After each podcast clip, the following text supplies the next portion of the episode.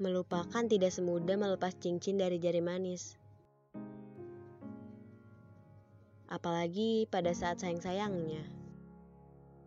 Melupakan membutuhkan tenaga, hati, dan pikiran yang harus yakin bahwa itu tujuannya.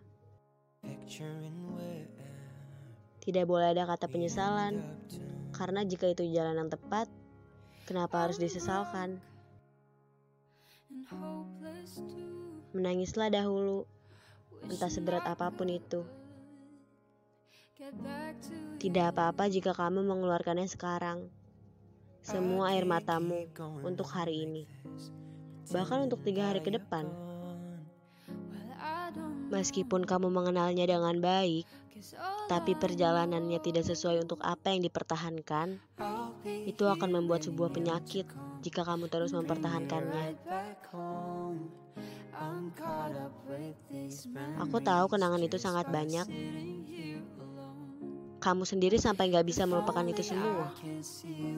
Tapi apa kamu yakin akan terus melanjutkan hubungan ini? Kamu saja dengan dia tidak terikat hubungan. Melupakan dengan usaha kamu sendiri dan dukungan dari sekitaran kamu, perlahan dengan perlahan akan membuat kamu semangat. Lupakanlah ini semua. Ini terlalu sakit untuk dinyatakan. Aku tahu kamu muak, tapi kamu sayang untuk membiarkan dia pergi. Cepatnya hari yang datang, dan hal-hal yang kamu lewatkan. Waktu akan mengantar kamu menuju masa selanjutnya. Perlahan dengan perlahan, cepat atau lambat, waktu akan memudarkan pikiran kamu tentang dia.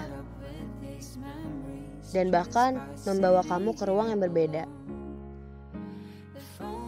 Terkadang hidup memaksa kita untuk melakukan hal yang tidak kita inginkan. Terkadang kita harus memilih, dan terkadang kita harus merelakan. Semua itu tentang pengorbanan yang menjadi bukti terkuat dari ketulusan cinta dalam hidup. Dalam hidup, ada kalanya sesuatu tidak berjalan sesuai harapan. Ada kalanya kita harus menerima dan mengikhlaskan mereka yang telah pergi. Perpisahan adalah kenyataan yang sangat sulit diterima. Namun, itu adalah bentuk konsekuensi dalam perjumpaan. Percayalah bahwa hidup adalah serangkaian kehidupan yang alami yang hanya akan menciptakan kesedihan jika kamu memaksanya. Biarkan kenyataan menjadi nyata, dan biarkan segala sesuatu mengalir dengan sendirinya. Selamat malam.